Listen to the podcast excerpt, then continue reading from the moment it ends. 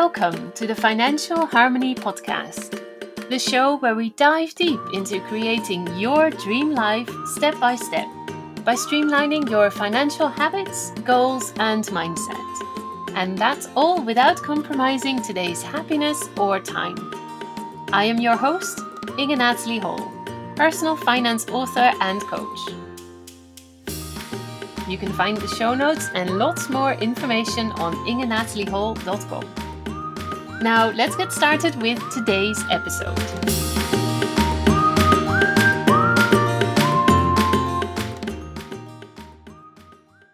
Hello, and welcome to another new episode of the Financial Harmony Podcast, episode 41.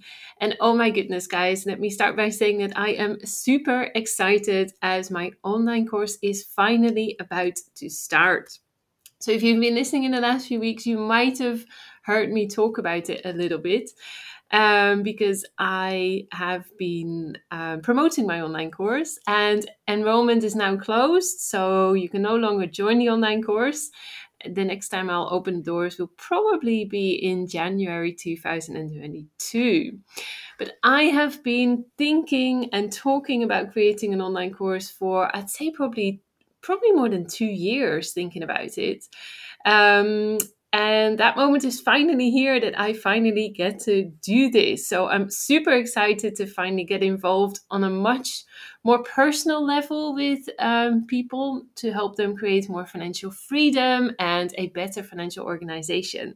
As most of you know, well, probably know, I think I've written two books on personal finance and um, it's nice reading people's comments or reviews, but it's always a little bit impersonal. And I miss that because I don't actually know um, what they've done or what goals they've set themselves, what new things they've implemented, and then ultimately what goals they've achieved. So I am just really looking forward to getting to know my students on a more personal level and really discover what it is that they are struggling with, how I can help them um, and then obviously see their progress in the next few weeks.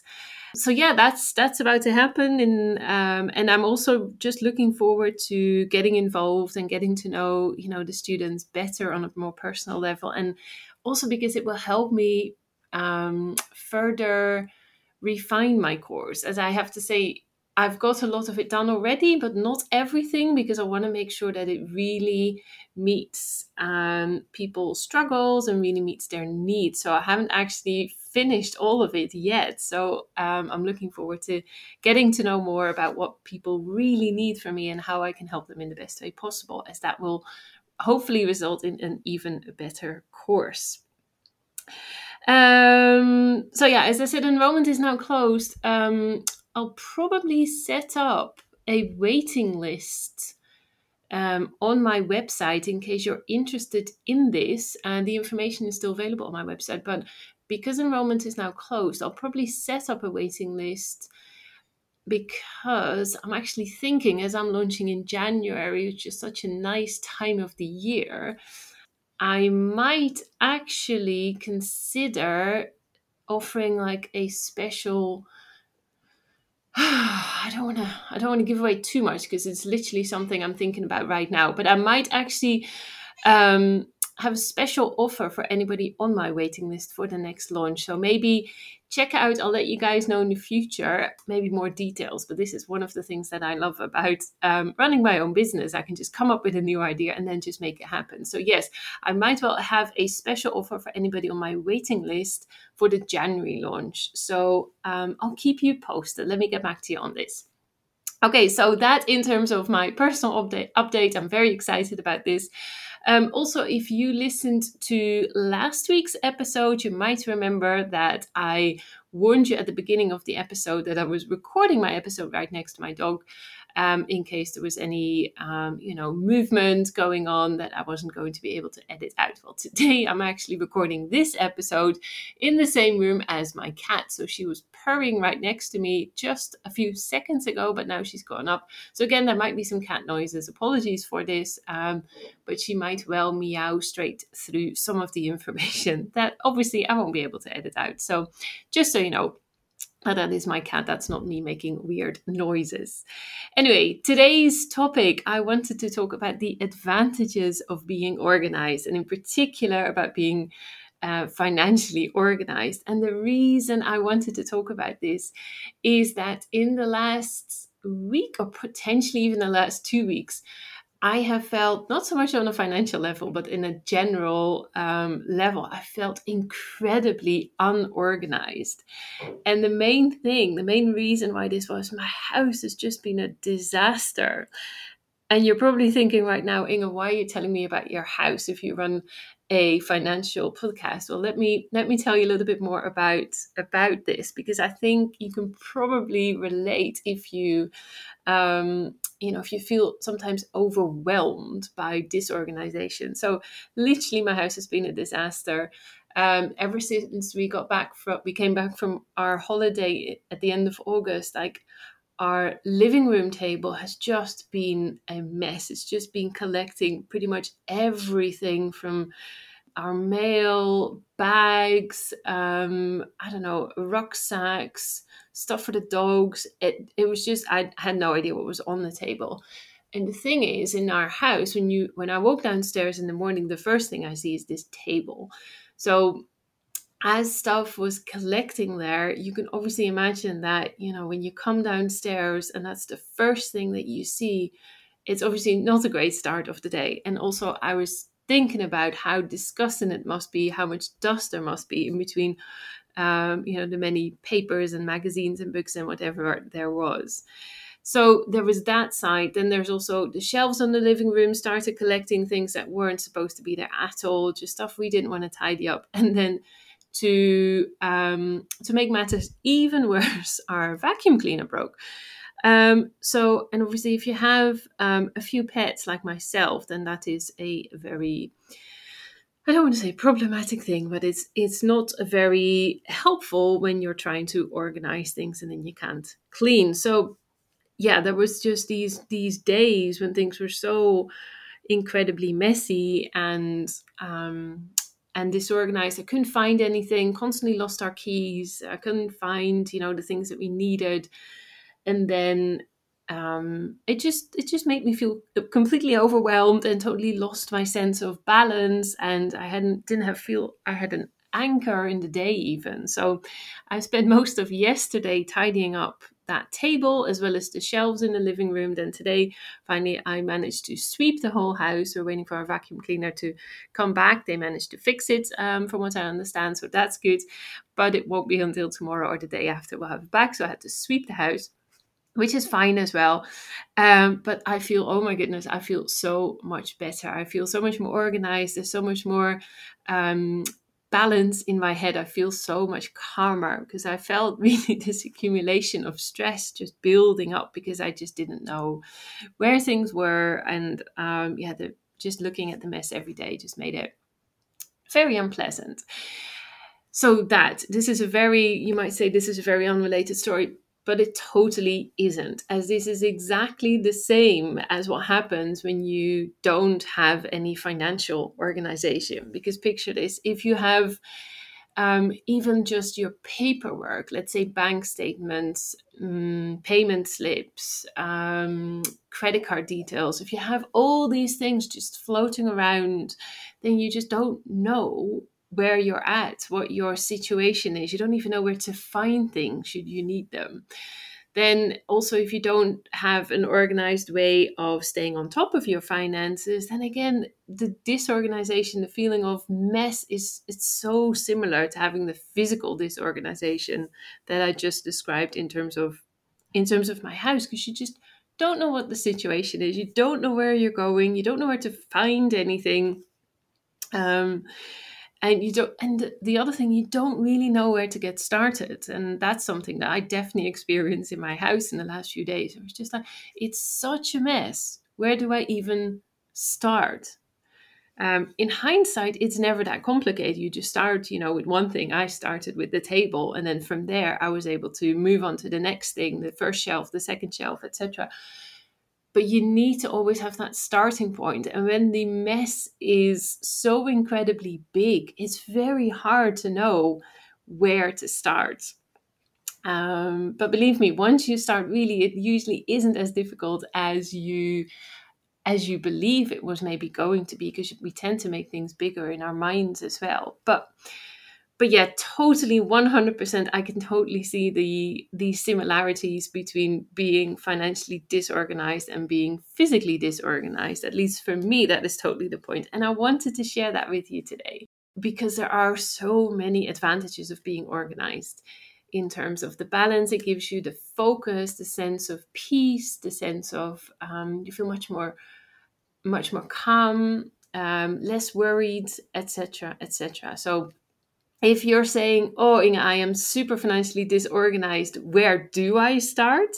Then let me share two things with you, which are, I think, two of the most important things uh, if you want to move from being financially disorganized to being slightly more organized, and obviously, hopefully, with um, you know, after a few more weeks, that you feel like, okay, I'm now incredibly organized. Okay, so two things I want to share with you that I think you can do um, to go from financial disorganization to financial organization. First one, to start with, create a plan. This is something, again, that I talked a little bit about in my free trainings that I've been given over the last few weeks. Um, if you have a plan, I like to call it a roadmap because a roadmap is really detailed. It tells you where you are now, what your various goals are along the way. Along with those goals, you usually have timelines as well as maybe um, action steps or or plans in terms of how to reach those milestones. So having a roadmap that tells you exactly what your goals are, um, how much time you have in order to reach those goals, what your sub goals are, and how they all fit together. Because that's ultimately, there's my cat, that ultimately is what a roadmap is. It, it tries to integrate everything to tell you exactly how to get from A, which is your point where you are now, to B, which is where you want to get to. So, in order to make a plan, um, make sure you're clear on your goals, have your timelines clear, Okay, I had to pause there because my cat had to go out, but I'm back now. So in order to create your in order to create your roadmap, you need to get super clear on your goals. So what are the the most important things you want to achieve let's say over the next um, you know few years i like to divide them into short-term goals mid-term goals and long-term goals so short-term goals think about anything that you want to achieve between uh, within the next two years essentially mid-term uh, goals are any any goals that you have for the next two to five years, and then long term goals anything um, you know that's slightly more uh, further in the future, so five plus years, so whether that's in five years' time, 10 years' time, maybe even 20 years' time. So you want to have a combination of different um, goals in that sense. So some short term, some mid term, and some long term goals. Be super clear on your timelines. And for each goal, um, you want to identify steps that get you closer to your goal every time. So, what are the action steps that you need to take in order to achieve your goals? So, that is the first thing. Once you have a plan, you'll find that there's going to be, you're going to experience a lot more peace because you know exactly where you are going. So that is a huge help in terms of getting financially organized and feeling much calmer, much more at ease with everything. It'll make decision making a lot easier. Uh, because you can always consult your um, roadmap to know exactly, hey, does this actually fit in with what I'm trying to achieve? So, definitely having a plan, step one to get financially organized, is a huge one. Then the second the second one I want to share with you is implement habits. If you implement habits on a regular basis, um, and they don't necessarily need to be daily habits if if you're not really into establishing a daily financial habit, that's okay as well. But I do recommend having at least weekly, let's say about 30 minutes. I'd say that's more than enough to start with 30 minutes a week to um, to make sure that there that you always have time to complete certain things. So think about some examples. You don't have to do all of these things, but a great weekly habit could be to create a budget and then update your budget during that weekly um, money moment, as I like to call it. Um, so that you know exactly how much money you've spent, how much money you've still got left over at the end of that week, um, whether you've overspent on anything that you need to consider adjusting for for the remaining weeks. Um, so that's really the budgeting thing. The, another thing that you might want to do during your weekly money moment could be to log your expenses. So checking in with your bank account, checking in your with your credit card statements, um, any receipts that you have in your wallet, um, and just creating or updating your expenses log so that again you know exactly how much you have been spending on the different things. And if you check them at your bank, you can also, um, in that moment, check that you there aren't any weird expenses that you know are wrong or incorrect, wrong amount or whatever it is, as well as obviously important for your credit card. Another uh, weekly habit you might want to establish could be to actually update your income. So, especially if you have a side hustle or your own business, then updating your income is a great thing to do on a weekly basis. So, so these are just some examples. Another weekly habit you could establish is to go through your paperwork. Um, think about uh, bills that have come in, make sure that you pay them or automate them um, filing any paperwork um, uh, in terms of statements that you want to keep or taking action on anything. If you know that you know you've had an account somewhere that you've been wanting to cancel or a membership that you really um, aren't using anymore then that could be another great moment to to do these things basically during that weekly money moment. So those are two th- tips that i wanted to share with you if you ever feel completely disorganized and feel like oh my goodness how am i ever going to get out of this? Start with these two. So create a plan and then also consider implementing habits. So i've given you some examples of weekly habits. You can also do it on a daily basis or on a monthly basis or whatever whatever you feel most comfortable with and whatever you think is doable for you because you don't want to start off with something that um, let's say implement a daily habit if you just know that there's no way you're going to keep up with that. So give that some thought and find a time frame that does really work for you and that you feel you can commit to and follow through with as well so there you have what I wanted to share in terms of being organized. I hope you found this useful and I definitely want to know what habits you might want to implement or you know where you are going with your plan. So if you want to share it with me, then make sure to screenshot um, this episode, share it on your Instagram or send me a direct message directly on Instagram as I'd love to know a little bit more about your plans, your habits, or just your general organization. So that's it. Thank you very much for listening. I hope you found it useful, and then I hope to see you again next time. Bye.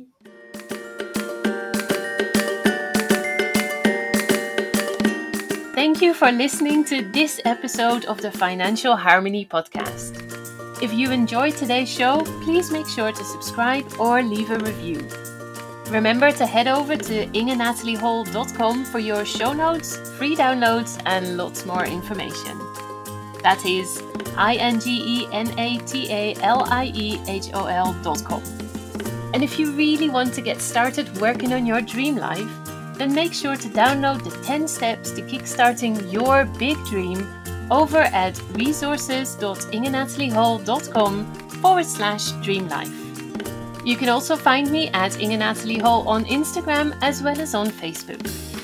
New episodes are dropped each Tuesday and I hope you'll tune in again next time. Until then, have a fabulous week.